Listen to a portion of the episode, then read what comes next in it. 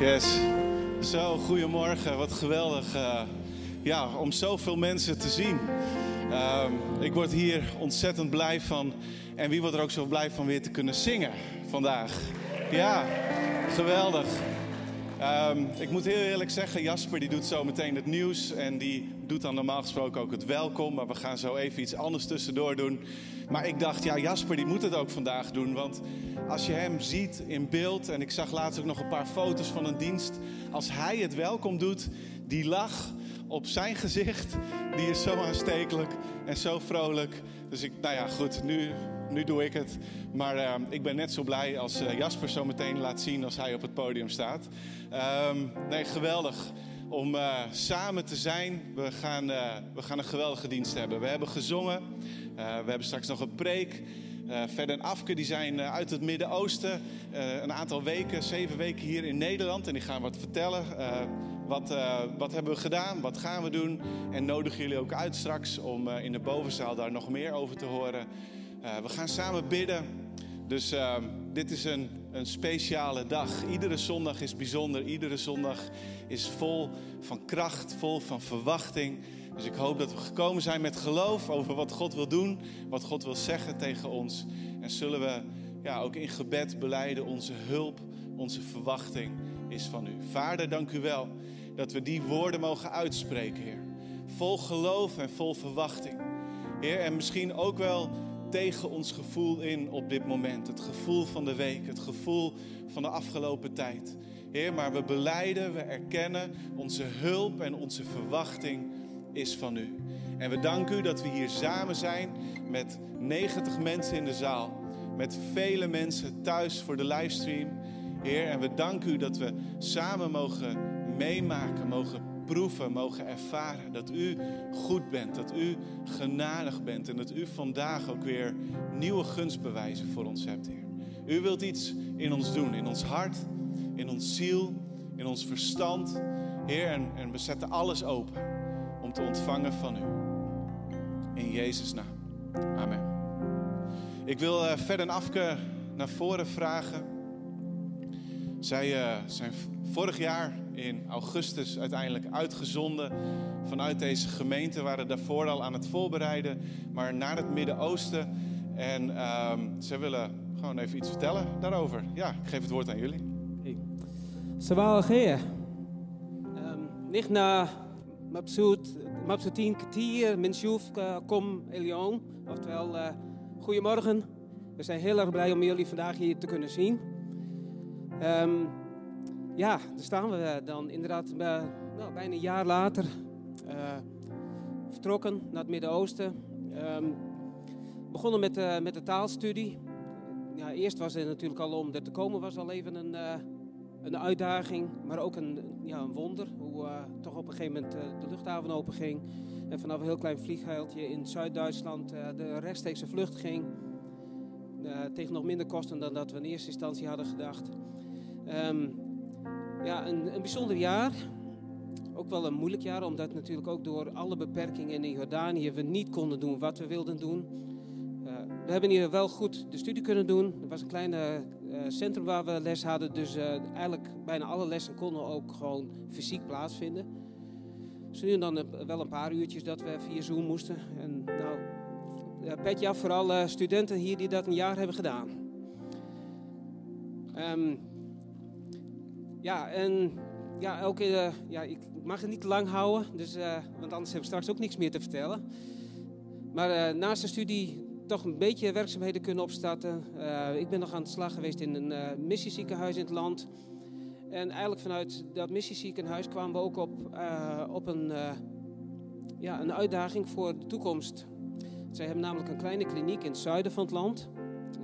daar zit een Nederlandse verpleegkundige, een Jordaanse arbeider en nog een Brit Engels echtpaar. En eigenlijk zijn ze al jaren op zoek naar een, een echtpaar. Bij voorkeur een, iemand met een medische achtergrond en iemand met wat een technische achtergrond. Om dat team te gaan versterken en meer body te gaan geven. En dat is juist, ja, we zijn met hen in gesprek gegaan. En we hebben een hele bijzondere klik van God daarin uh, ervaren. We zijn er een week geweest. En we kwamen thuis.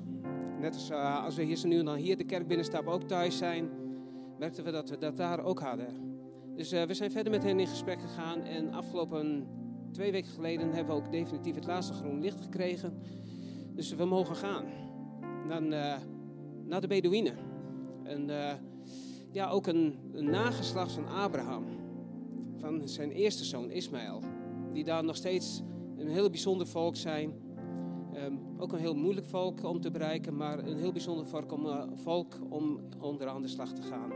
En uh, ja, we willen graag er meer over vertellen.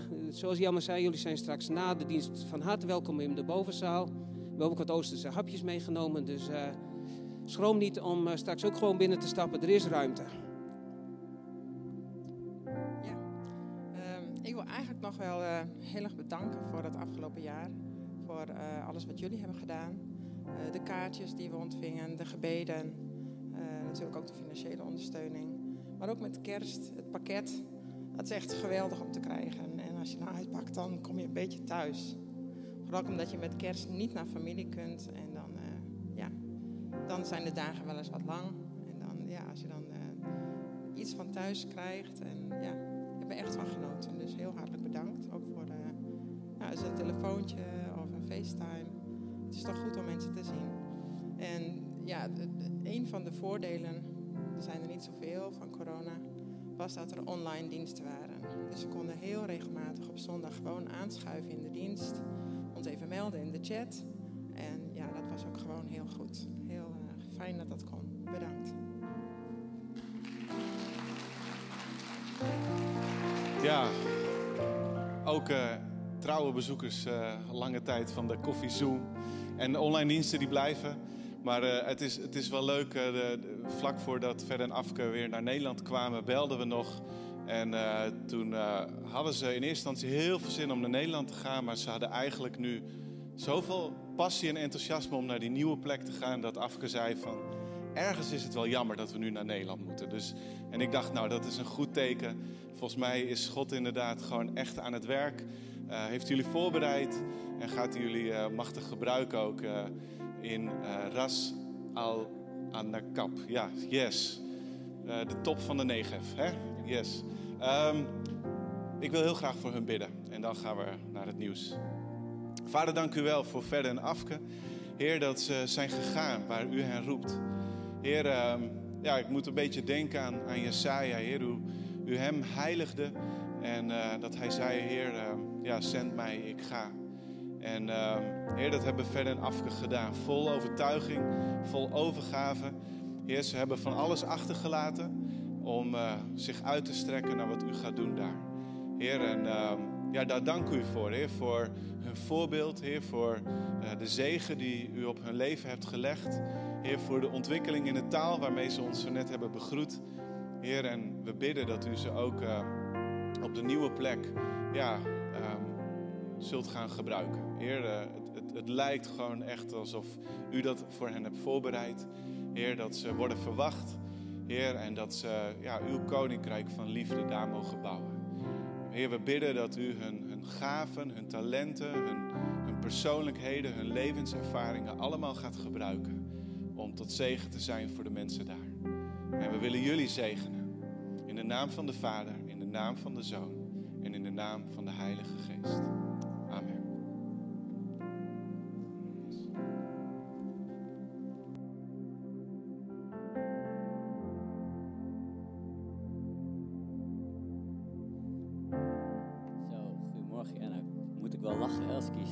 Podium na zo'n introductie al.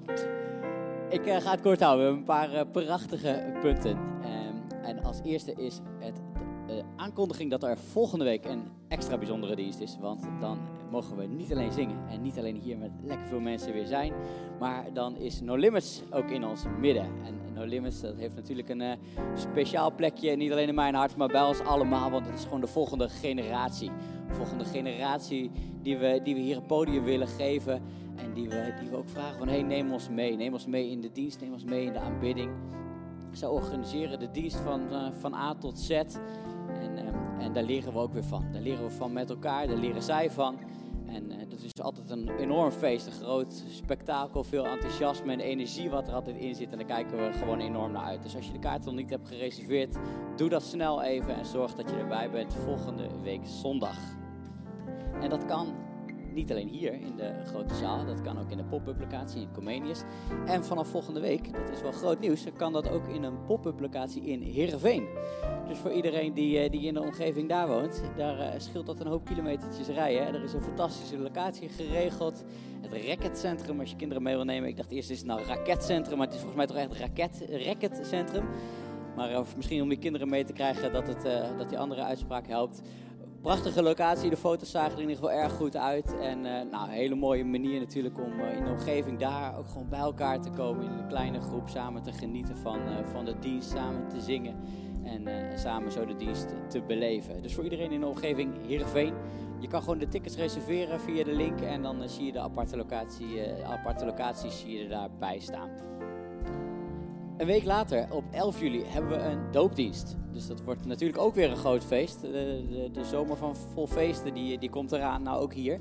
En uh, voor iedereen die uh, nog niet uh, gedoopt is, daarin gewoon uitnodigen. Zou je bitter is voor, praat er eens over met elkaar. Wij praten er graag met je over verder. Dus neem gewoon contact op en dan praten we er eens over door. En misschien wordt zondag 11 juli ook wel jouw moment. Dan hebben we een mooie Bijbelvers challenge. we zijn heel benieuwd wat Gelske ervan gemaakt heeft. Een hele goede morgen. En Jelle Jan, dankjewel voor de nominatie. Ik wil graag met jullie lezen uit Filippenzen 4, vers 4 tot en met 7. Laat de Heer uw vreugde blijven. Ik zeg u nogmaals, wees altijd verheugd. Laat iedereen u kennen als vriendelijke mensen. De Heer is nabij. Wees over niets bezorgd, maar vraag God wat u nodig hebt en dank Hem in al uw gebeden. Dan zal de vrede van God, die alle verstand te boven gaat, uw hart en gedachten in Christus Jezus bewaren. Ik heb voor deze tekst gekozen omdat ik het een ontzettend mooie belofte vind dat ik alles aan God mag vragen en ook al mijn dankzegging bij Hem neer mag leggen en dat Hij uiteindelijk alles in handen heeft. De volgende die ik wil nomineren is mijn lieve Heid, Pieter de Vries. Heid, de volgende Bible First Challenge is voor. Succes! Leuk. En dan als laatste item wil ik jullie oproepen om te geven. Het kan op allerlei eh, manieren. Het is belangrijk om, uh, om bij te dragen, zodat we alle mooie activiteiten in de komende tijd uh, door kunnen zetten. En dus jullie oproep wil ik graag doen om daar gul aan bij te dragen. Fijne dienst, lekker zingen.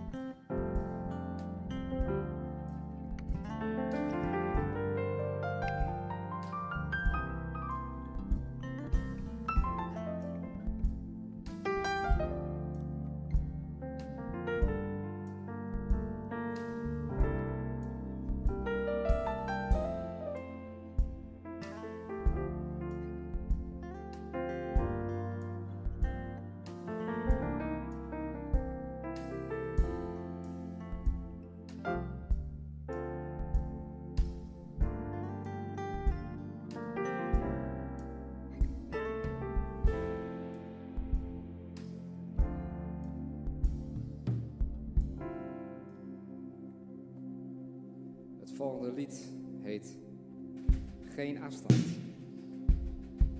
Heel toepasselijk nu. We mogen weer bij elkaar komen.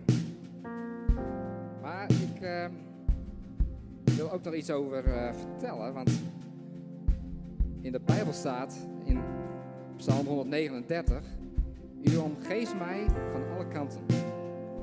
Dat is mooi. Dat is, als je dat beseft, dat is natuurlijk fantastisch. En in Matthäus staat: Ik ben met u. Ik ben met u. Ik ben. Dat is de naam van God. Ik ben met u. Tot aan de voleinding van deze wereld. Er is geen afstand tussen God en ons. Hij is dichtbij. Mogen we elke keer weer beseffen. Geen afstand.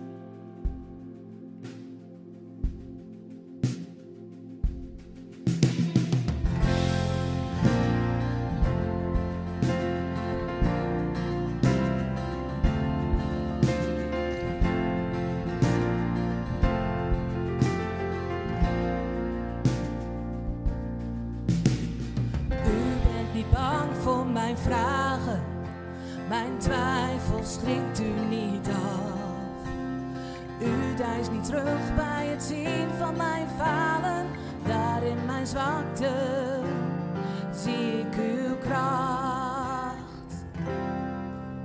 U bent niet verrast als ik struikel, niet boos of teleurgesteld. U tilt mij op en u toont mij goed.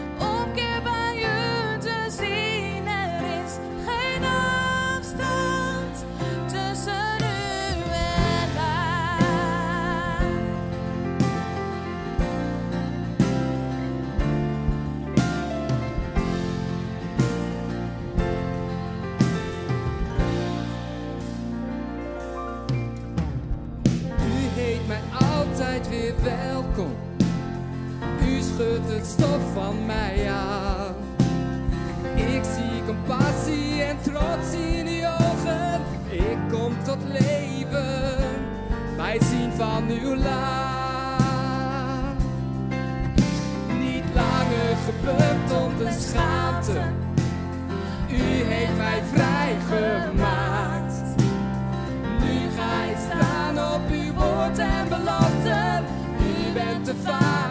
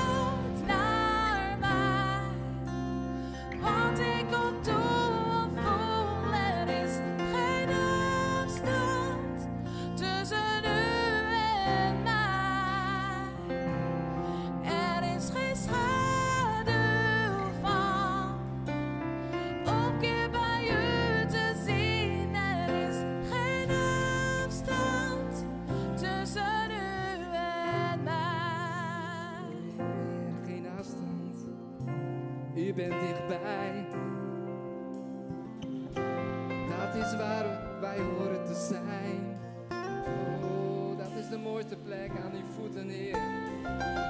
Daar willen we zijn, in uw nabijheid. Oh, oh.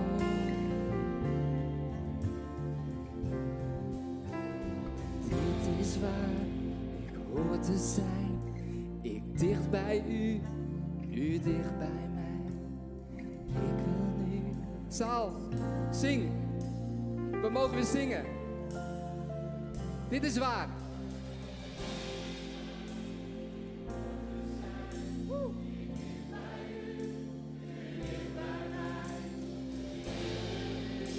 Niets anders meer.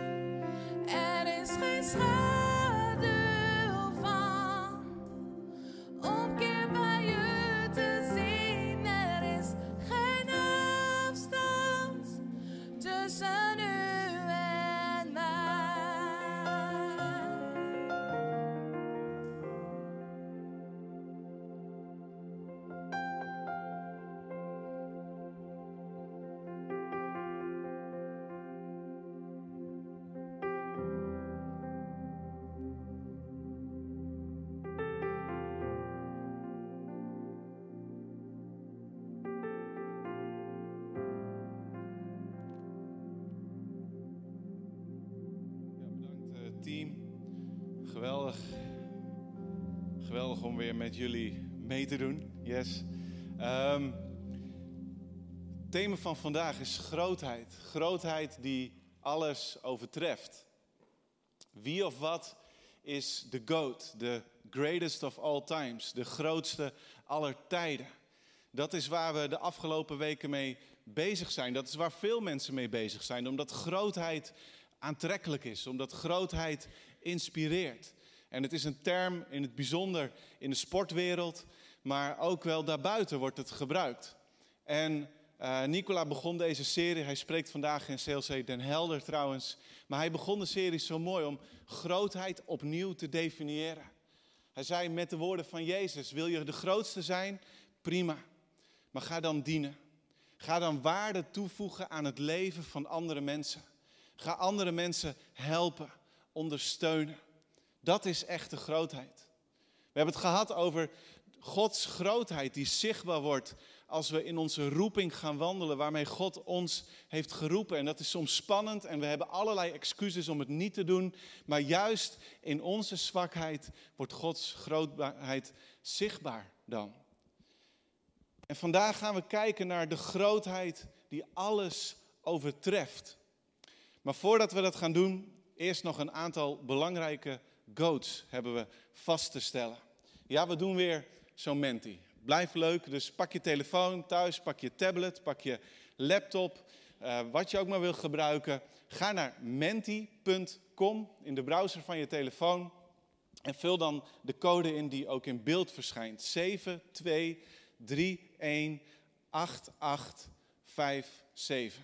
72318857. En dan kom je in die menti. En dan kun je meedoen. Ik wacht nog even een paar seconden. Hij, uh, hij verschijnt. De eerste, de grootste supermarkt aller tijden. Is dat Jumbo of Albert Heijn? Heel veel doen al mee. We laten hem nog heel even in beeld staan. Jumbo of Albert Heijn? Wie is de grootste?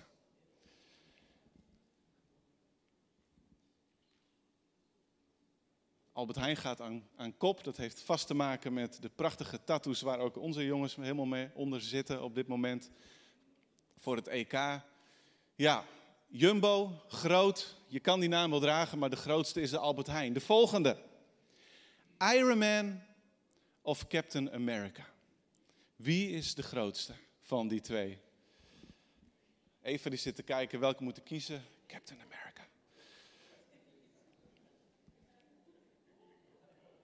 Ja, wie gaat, uh, wie gaat er winnen? Oeh, dit gaat wel heel erg gelijk op. Kom op jongens.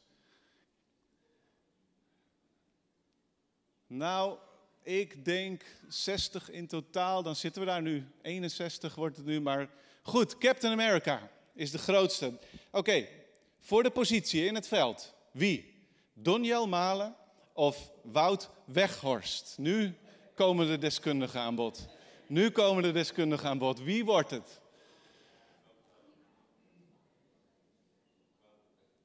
Oké, dus Frank de Boer moet niet te lang meer, niet meer malen, maar malen inzetten. Oké, prima, dat is duidelijk, helder.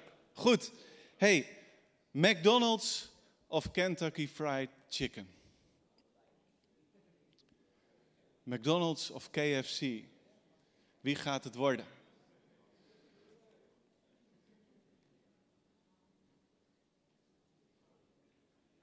Ja, nou ja, helder. Dat, dat, KFC gaat dat niet meer winnen, de McDonald's. Laatste. Moeder Teresa of Martin Luther King? Als je een keuze kan maken. Ja, het moet, het moet nu ook een beetje moeilijk worden. Um,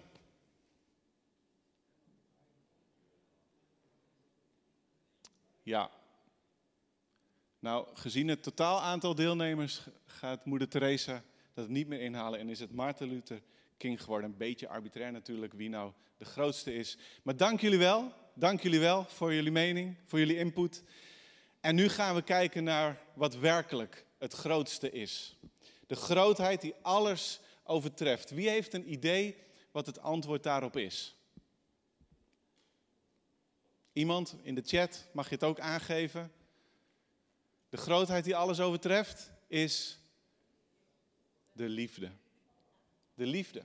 Ja, met de woorden van Paulus aan de Corinthiërs, zijn eerste brief, er staat in 1 Corinthiërs 13, vers 13, ons resten, de dingen die blijven, zijn geloof, hoop en liefde.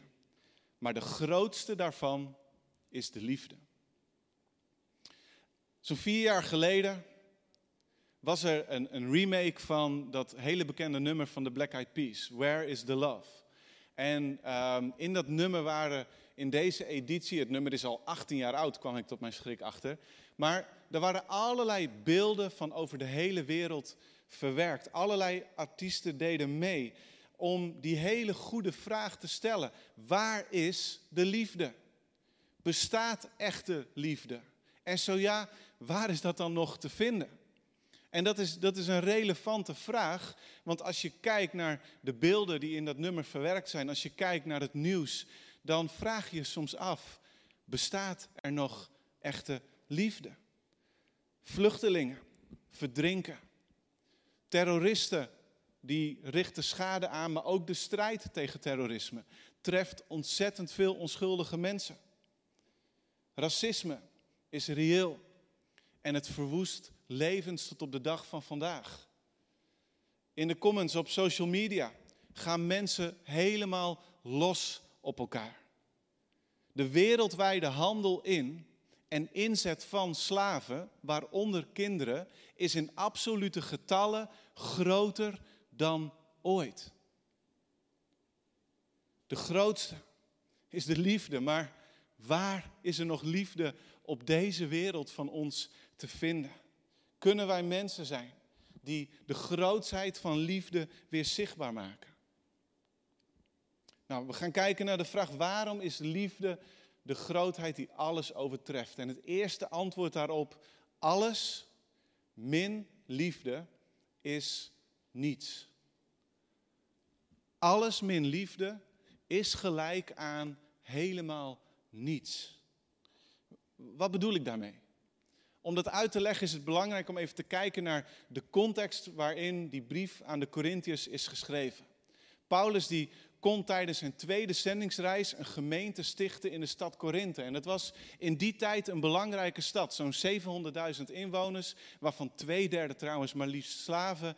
Maar het was een invloedrijke, belangrijke stad. Hij bloeide door handel, amusement, tempelprostitutie um, en door uh, corruptie en verdorvenheid.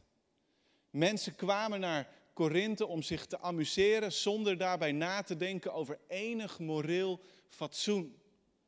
Mensen gingen daar zo los dat er in het Grieks het woord uh, Corinthiazo ontstond. Corinthiazo. Dat was een werkwoord van je gaat uit je dak, losbandig, totaal los, zoals een Corinthiër.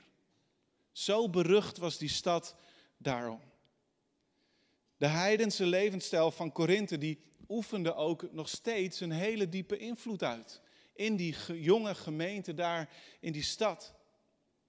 En ze worden met allerlei problemen geconfronteerd die Paulus behoorlijk stevig soms moet aanspreken. En hij beantwoordt in die brief ook een aantal vragen die kennelijk in een brief naar hem toe zijn gesteld. En heel puntsgewijs, gestructureerd beantwoordt Paulus die vragen. Maar naast alle problemen, waarvan ik straks een paar ga noemen, was de gemeente ontzettend veel gegeven. God had hen in Jezus zijn genade gegeven, zegt Paulus. Hij zegt, door God waren ze in alle opzichten rijk geworden. Ze waren gezegend met een, met een volop aanwezigheid van de gave van de Heilige Geest. En het ontbrak hen aan niets daaraan, zegt Paulus zelfs. De Corinthiërs hadden alles. En in 1 Corinthiërs hoofdstuk 12 behandelt Paulus dan uitingen van kracht, uh, wonderen, uh, gaven van de geest. En die worden dan concreet zichtbaar in woorden van kennis, woorden van wijsheid, uh, een groot geloof dat bergen kan verzetten, gaven van genezingen, het spreken in klanktaal, het tongentaal, het vertalen van die tongentaal, het onderscheidingsvermogen, komt iets van de Heilige Geest of niet. En volgens mij vergeet ik er dan nog wel eentje, maar negen gaven, negen uitingen van kracht benoemt Paulus daar. En de Corinthiërs nogmaals hebben alles. En het is ook allemaal fantastisch. God geeft al deze gaven tot op de dag van vandaag aan jou en aan mij om de gemeente te bouwen. Om tot zegen te zijn voor andere mensen. En daarom begint uh, Paulus hoofdstuk 14 ook, onder andere met de aansporing, jaag, streef naar de geestelijke gaven. En Paulus legt uit in het hoofdstuk van hoe doe je dat dan precies? En hoe moet dat functioneren in de samenkomsten en in het leven van de gemeente? Maar hij zegt, streef ernaar. Strek je ernaar uit. Ijver je er met hartstocht voor. Hij gebruikt het woord uh, uh, van, waar we ook, uh, we kennen het van de zeloten. De zeloten waren bloedje fanatiek om de Romeinse overheersers uit Israël te verdrijven. En hij zegt, wil je fanatiek zijn? Wees een celoot als het gaat om de gaven. Streef ze na met passie. Maar tussen 1 Corinthians 12 en 14 staat hoofdstuk 13. Nou, ik weet het, dat is een majestueus inzicht, zeer verhelderend. Niemand was erop gekomen, ik wel, alsjeblieft. Maar hoofdstuk 13 staat tussen hoofdstuk 12 en 14. En dat is niet voor niets. Het hoofdstuk 12 eindigt als volgt. Richt u op de hoogste gave. Weer, wees een celoot. Streef naar de gave. Maar, zegt Paulus, eerst wijs ik u een weg die nog voortreffelijker is. En dat is de weg die in hoofdstuk 13 begint. Vers 1 tot en met 3 zeggen het volgende. Als sprak ik de talen van alle mensen en die van engelen, had ik de liefde niet, ik zou niet meer zijn dan een dreunende gong of een schelle cymbaal. Al had ik de gave om te profiteren en doorgrondde ik alle geheimen. Al bezat ik alle kennis en had ik het geloof dat bergen kan verplaatsen. Had ik de liefde niet, ik zou helemaal niet zijn. Al verkocht ik al mijn bezittingen, omdat ik voedsel aan de armen wilde geven. Al gaf ik mijn lichaam prijs en kon ik daar trots op zijn. Had ik de liefde niet, het zou mij niet baten. In vers 1 noemt Paulus tongentaal of klanktaal. En oh, wat waren de Corinthiërs daar trots op. Dat dat volop aanwezig was in hun midden. Want dat was toch wel een bewijs dat zij buitengewone mensen waren, ja, bijna gelijk aan engelen. Wauw. En ze pronkten ermee en, en ze klopten zichzelf op de borst en ze, ze schepten er overal over op. Zij waren geestelijk. En weet je, het spreken in tongen is een prachtige gave. Het is een unieke gave zelfs. Het is de enige gave die een tweeledige functie heeft. Het, de, Paulus die zegt in 1, uh, 1 Korinthe 14, het is de gave die tot opbouw, tot stichting van jezelf kan zijn. Als je bidt in tongen, als je aanbidt in tongen. En Paulus zegt, ik wilde dat iedereen dat deed. Maar in de samenkomst spreek ik liever een paar woorden met mijn verstand dan duizend in een tong. Want daar moet iedereen worden opgebouwd. En spreek je daar in tongen, zorg dan dat er vertaling is. Maar het spreken in tongen is fantastisch en daar mogen we ons allemaal naar uitstrekken. In vers 2 van hoofdstuk 13, daar noemt Paulus nog een paar gaven uit die andere hoofdstukken. Profetie, kennis, groot geloof. In vers 3 worden een aantal radicale opdrachten van Jezus genoemd. Weet je nog? Jezus was degene die dat zei. Verkoop alles wat je hebt. Als je mij wil navolgen, neem je kruis op en volg mij. Het kan je je leven kosten. En Paulus zegt, weet je, al die dingen, het is allemaal het voortbrengen van een onaangenaam, hard en schel geluid. En, en die cymbaal en die gong die werden zeer waarschijnlijk ook gebruikt in, in de heidense tempeldiensten. Het was monotoom, het was één geluid, heel naar om iedereen op te roepen afgoden te aanbidden. Hij zegt, je blijft onbelangrijk, sterker nog, je bent niets. En hij zegt, het levert je helemaal niets op. Als je dit allemaal hebt, maar je hebt niet de liefde. Met andere woorden, van buiten kun je er heel gezegend en succesvol uitzien. Je kunt een bedrijf met 100 mensen leiden of met 1000. Je kunt een kerk hebben van 10.000 leden. Je kan al je spullen verkopen om ergens naar de andere kant van de wereld te gaan om daar iets missionairs te starten. Je kan je auto hier verkopen omdat je ziet dat er mensen in de stad honger lijden. Je kan mensen de handen opleggen en je ziet ze genezen. Het kan allemaal. Maar Charles Swindle die zegt het heel goed, leest u mee. Zelfs als we werken doen die er van buitenaf wonderlijk, verbazingwekkend en extreem uitzien, ze zijn van geen betekenis zonder het sleutelingrediënt van agape liefde. Want agape is het Griekse woord wat hier voor liefde wordt gebruikt. Het is een, een Grieks woord wat buiten Joodse en christelijke teksten eigenlijk helemaal niet voorkomt. De, de, de vertalers van het Oude Testament, de schrijvers van het Nieuwe Testament, die, die zochten een woord die moest aangeven hoe uniek de liefde van God is. En in tegenstelling tot het Hebreeuws, wat maar één woord voor alle vormen van liefde heeft, heeft het Grieks er sowieso vijf. Een aantal zijn redelijk bekend. In de Bijbel worden bijvoorbeeld gebruikt filia, vriendschappelijke liefde of epitumia, verlangen of begeerte, zowel in de positieve zin als de negatieve zin van het woord. Agape wordt gebruikt in het Nieuwe Testament. En er zijn er nog twee woorden, die vinden we niet in het Nieuwe Testament, maar bijvoorbeeld eros. Dat is de sensuele liefde, de seksuele aantrekkingskracht, de lust. En even kijken, storge, genegenheid. Dat zijn vijf woorden voor liefde. En je zou kunnen zeggen, agape sluit alle vormen van liefde in de meest pure vorm in zich. Agape is de liefde die het beste zoekt voor de ander. Zelfs ten koste van eigen comfort, veiligheid of voordeel. Het impliceert duurzaamheid, trouw. Het, het gaat over onvoorwaardelijke barmhartigheid, genegenheid voor de ander. Het gaat over toewijding. Het is meer een beslissing dan een gevoel.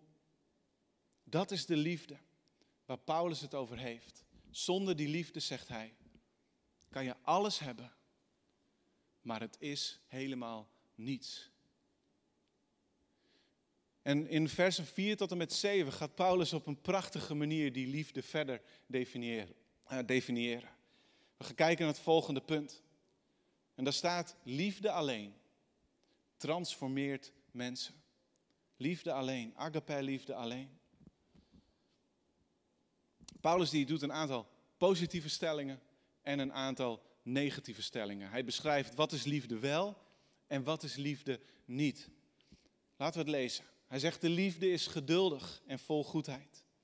De liefde kent geen afgunst, jaloezie, geen ijdel vertoon en geen zelfgenoegzaamheid.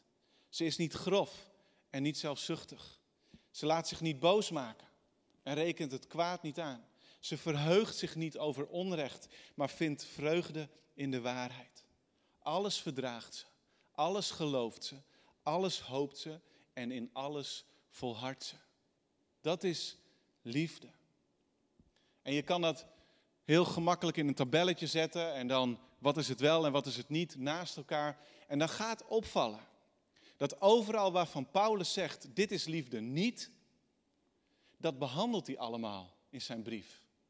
Want tot zijn misschien wel pijn of teleurstelling, tot zijn verdriet, zijn juist de dingen wat liefde niet is, allemaal aanwezig in die kerk van Korinthe. Dat neemt overigens niet weg dat hij ze begroet met aan de gemeente van God. Geheiligd door Christus Jezus. Ik dank mijn God altijd voor u. De gelovigen van Korinthe zijn niet perfect. Sterker nog, als je kijkt naar wat liefde echt is, zijn ze niet eens altijd liefdevol. En toch is Paulus niet terughoudend of negatief als hij ze begroet en aanspreekt. En dat, dat vind ik zelf altijd ontzettend mooi aan de brieven van Paulus. Weet je, de brieven hebben we grotendeels te danken aan het feit dat het niet altijd goed ging in de kerk. Dat er kerken waren waar mensen oneenigheid veroorzaakten. Waar ze ruzie maakten. Waar ze volharden in vreselijke zonden. Waar ze neerkeken op de ander. Waar ze sociaal isolement of sociale verschillen qua stand gewoon in stand hielden. En aan al die dingen hebben wij de brieven van Paulus te denken. Maar iedere brief, zegt Paulus, aan de gelovigen. Aan de kerk van God. Aan mijn geliefden. Ik groet jullie enzovoort. En ik zei een paar minuten geleden dat ik een paar problemen in de gemeente van Korinthe zou noemen. Nou, hier komen een paar van die problemen. De liefde is niet jaloers, schrijft hij. Maar toch, 1 Korinthe 3, vers 3. Wanneer u afgunstig, jaloers en verdeeld bent, dan bent u toch gebonden aan de wereld. Dan leeft u toch als ieder ander, zegt Paulus. Hij zegt, de liefde kent geen ijdel vertoon. Maar wat deden de Corinthiërs? U mag uzelf niet belangrijk maken door de een te verheerlijken boven de ander. Alles is u geschonken. Dus waarom schept u dan op alsof het, u het zelf verworven hebt? Hij zegt, de liefde kent geen zelfgenoegzaamheid. Maar 1 Korinthe 4 vers 18. Sommigen van u doen alsof ze heel wat zijn. Hij zegt, de liefde is niet grof of handelt niet ongepast. Is ook een goede vertaling. Maar de Corinthiërs, daar moet hij tegen zeggen, u moest zich schamen. U moest zich schamen. Is er dan niet één wijs mens onder u die tussen broeders en zusters uitspraak kan doen? Jullie slepen elkaar allemaal voor de rechter, omdat jullie er zelf niet uit kunnen komen. En van wat u hebt meegebracht naar het avondmaal, eet u alleen zelf. Zodat de een honger heeft, de rijken, die kon op tijd weg, de slaven, ook christenen. Soms stonden ze tot wel 18 uur per dag ter beschikking aan hun meester. Als je het hebt over hard werken. En toch kwamen ze ochtends vroeg of 's avonds laat. En op ieder moment dat het mogelijk was, wilden ze deelnemen aan die samenkomsten. Ze wilden er zijn. En Paulus die moet hier zeggen, die rijken die er al lang waren, die zijn al dronken en hebben zich vol gevreten. Sorry, een ander woord kan ik niet gebruiken. En de rest blijft leeg achter en kan niet meer meedoen. Dus Paulus zegt, wat moet ik hierover zeggen? Moet ik u soms prijzen? Dat doe ik in geen geval. De versen 4 tot en met 7 geven een vrij duidelijk beeld van wat liefde is. En als je de rest van de brief erbij leest, zoals we nu met een paar versen hebben gedaan, dan wordt het alleen nog maar duidelijker. Wat is liefde wel en wat is liefde niet? En deze kerk is niet perfect van Korinthe en onze kerk is niet perfect. Geen enkele gemeente is perfect. En toch wil hij ons inspireren met wat agape liefde is. Nou, hoe kan je zo'n passage nou het beste verwerken? Naar inspiratie van een theoloog, N.T. Wright, geef ik drie vragen die je jezelf kan stellen. De allereerste vraag is dit. Hoe zie ik dit bij Jezus? Geduldig, vol goedheid, niet afgunstig enzovoort. Hoe zie ik dit wel of hoe zie ik dit niet bij mezelf? Is de tweede vraag. En de derde vraag is, hoe breng ik dit in praktijk als ik volmaakt lief zou hebben? En je stelt jezelf deze vragen niet om je goed over jezelf te voelen, maar ook niet om jezelf te veroordelen. Als je denkt, ik schiet soms hier en daar nog wat tekort. En ik heb zelf vaak die tweede neiging, mezelf veroordelen. En dat kan om hele simpele dingen gaan. Afgelopen week moest onze connectgroep schoonmaken. En uh, door werk en door uh, dingen en door ziekte enzovoort, bleven we uiteindelijk met z'n drieën over in eerste instantie om de kerk schoon te maken. En ik ben heel eerlijk, ik had er totaal geen zin in. Maar goed, na de kerk, ik hoefde dit keer niet te beginnen met de toiletten, dat deed iemand anders. Dus ik ga zuigen, de hal, uh, de garderobes en ik werk naar de keuken. En, en, en ik keek naar de vloer van de keuken en naar die stofzuiger en ik dacht, ah Jelmer, ik heb hier geen zin in, maar je bent bezig met de voorbereiding van een preek over liefde. Wat als ik nou met liefde ga stofzuigen? Wat als ik nou bedenk dat het belangrijk en hygiënisch is als dit gebouw schoon wordt gemaakt iedere week? Wat als ik bedenk dat hier zondag 90 mensen komen plus teams en die wil je toch gastvrij ontvangen en niet in de bende? Wat als ik bedenk dat deze plek dient als een, als een gebouw waar, waar God aanwezig kan zijn en waar Hij kan werken. En wat we gebruiken voor de nieuwe generaties en voor de oude generaties en voor alles ertussenin. En ze zijn hier. En ik heb zelfs nog toiletten boven schoongemaakt. Zoveel liefde ontving ik. Dus nee, nee, nee. Maar het zijn van die momenten dat je denkt: oké, ik hoef mezelf niet te veroordelen. Ik ga het met liefde doen. Hoe zou ik het doen als ik volmaakt lief zou hebben? En zonder in detail, we hebben een beetje, best wel een lastige situatie met iemand in de straat. En uh, dat duurt al jaren. En dat is heel vervelend. En naar ons idee hebben we er alles aan gedaan met bloemetjes en aanbod van gesprekken enzovoort. Kunnen we dit, kunnen we dit goed maken, maar we doen het nooit goed voor ons gevoel. En een paar maanden geleden, wij komen aan, die persoon die komt naar buiten en die zegt toch wat tegen mij. En ik werd erg boos. En ik ben niet zo heel snel heel erg boos, maar ik werd boos. Dus ik, ik ging redelijk stevig het gesprek aan. Deuren gaan weer dicht. En dan voel ik me direct daarna schuldig. En dan denk ik, Jelmer, heb je nou Jezus wel goed vertegenwoordigd?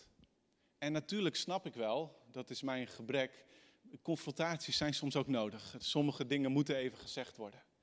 Maar ik veroordeel mezelf direct, heb je wel Jezus laten zien? En zo is het zo belangrijk om voor de volgende keer deze vraag te stellen. Wat als ik nou die situatie in zou gaan? Wat als nou die persoon iets tegen mij zegt? Wat als ik nou dat gesprek moet aangaan? Hoe zou ik dat doen als ik volmaakt kon liefhebben? En dat moet je doen in gebed, want je kan het niet zelf. En besef dit: een liefde als die in de versen 4 tot en met 7 is alleen bereikbaar, maar is bereikbaar door de kracht en door de inspiratie van de Heilige Geest. Het is er voor iedereen die een kind van God is. Die, zegt Paulus in de Colossensebrief, overgebracht is uit het rijk der duisternis in het koninkrijk van liefde, van licht, van Jezus.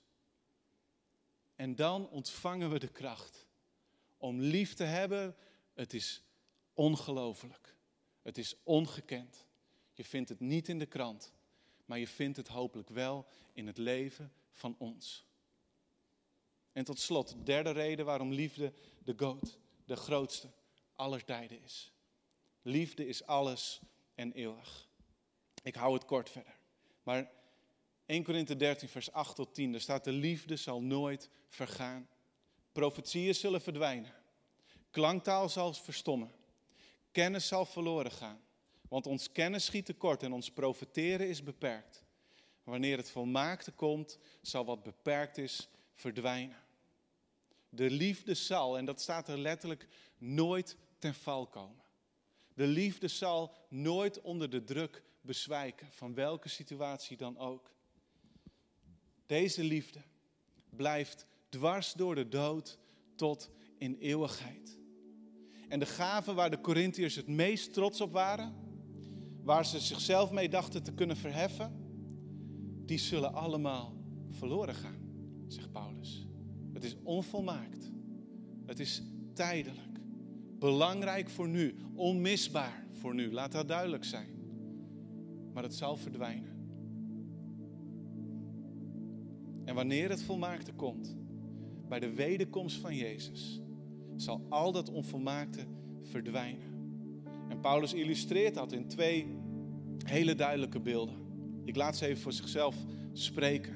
Er staat, toen ik nog een kind was, sprak ik als een kind, dacht ik als een kind, redeneerde ik als een kind. Maar nu ik volwassen ben, heb ik al het kinderlijke achter mij gelaten.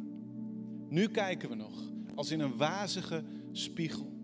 Maar straks staan we oog in oog. Nu is mijn kennen nog beperkt. Maar straks zal ik volledig kennen zoals ik zelf gekend ben. In het heden, en daar sluiten we mee af, zijn er drie dingen die naar de toekomst wijzen.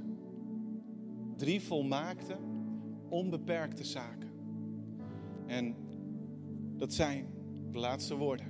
1 Corinthians 1, vers 13. Ons resten, geloof, hoop en liefde. Deze drie. Maar de grootste daarvan is de liefde. Geloof houdt het oog gericht op God. Heeft vertrouwen in God. Verwacht het dat we alles krijgen in Jezus. Hoop, dat is datgene wat vooruitziet. Dat is wat kijkt op de volmaakte toekomst en ons ook garandeert door de opstanding van Jezus dat dat werkelijkheid zal zijn. En de liefde. Daardoor zal ons kennen volkomen zijn. Omdat als wij naar de hemel gaan, zegt Johannes in 1 Johannes 3 geloof ik, als we Hem zullen zien, als we in de hemel zijn, dan zullen we zijn zoals Hij is. Liefde is de enige manier van leven in de nieuwe hemel en op de nieuwe aarde. En die eeuwigheid die begint vandaag al. Voorproefjes daarvan. Nog niet volmaakt. Maar de liefde mag nu al ons hele leven kleuren. We mogen vandaag agape, liefde leren kennen. En de taal van liefde leren spreken en ontvangen. Zodat je de verleiding kunt weerstaan tot onderlinge strijd. Tot opscheppen over jouw prestaties of over wie de beste is. Paulus, nee, Apollos, nee, Petrus. Je kan de verleiding weerstaan om eh, sociale verschillen in stand te houden. Je kan een verleiding weerstaan om je, weerstaan om je lichaam slecht te behandelen.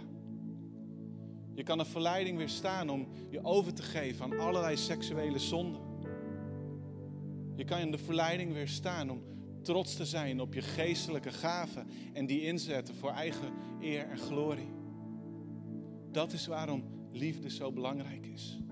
Wil je de grootste zijn? Ik stel die vraag nog een keer waarmee de serie begon. Ga dan dienen. Ga dan liefhebben. Jaag de liefde hartstochtelijk na. En, en nogmaals, waarom is liefde de grootheid die alles overtreft? Omdat je alles kan hebben, maar zonder agape is het gelijk aan niets. En alleen liefde is in staat om ons als mens te transformeren tot vertegenwoordigers van Jezus. Tot het laten zien wat het betekent om een inwoner te zijn van een koninkrijk van liefde. En liefde is de grootste omdat het alles en eeuwig is. Zullen we met elkaar bidden. Vader, dank u wel voor agape. Dank u wel, Heer, dat eigenlijk de, de Bijbelvertalers een ongewoon, misschien wel een bijna nieuw woord moesten verzinnen. Om uw liefde kenbaar te maken. Heer, en zoals we hier zitten, hebben velen van ons die liefde leren kennen. Heer, misschien is vandaag wel de dag dat we die liefde mogen leren kennen. Heer, uw liefde is, is een verbondsliefde. Heer, het is trouw. Het is op zoek naar ons. Het is op zoek naar het beste van ons. Het blijft aanwezig, ook al lopen wij erbij weg. En ik wil je vandaag de kans geven, hier in de zaal of thuis voor je scherm. Als je, als je die liefde wilt aannemen. Als je die liefde wilt leren kennen. Als je het je leven wilt laten transformeren. Steek dan je hand digitaal op, steek je hand hierop. En ik wil heel graag voor je bidden. Dankjewel. Dankjewel. Dankjewel.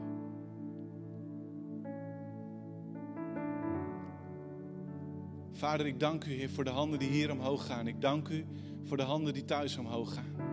Heer, wat een dag is dit. Heer, van genade. En ik bid, Heer, voor iedereen die zijn hand omhoog heeft gedaan. En ik bid voor ons allemaal. Heer, als we het weer opnieuw nodig hebben. Heer, wilt u met uw liefde komen in ons leven. U aanvaardt ons. U vergeeft ons. U geneest ons op dit moment. En we mogen overgaan van het oude leven naar het nieuwe. Van het koninkrijk van deze wereld naar het koninkrijk van uw liefde op dit moment. Dank u wel, Heer, dat die stap wordt gezet en dat u ermee verder gaat. Heer, dat deze woorden ons leven mogen kleuren, ons taal mogen zijn. Heer, en ik bid het ook voor ons als gemeente. Heer, dat we deze taal van liefde zullen spreken met elkaar. Jezus' naam. Amen. Zullen we gaan staan? We gaan uh, een lied zingen, we gaan God aanbidden.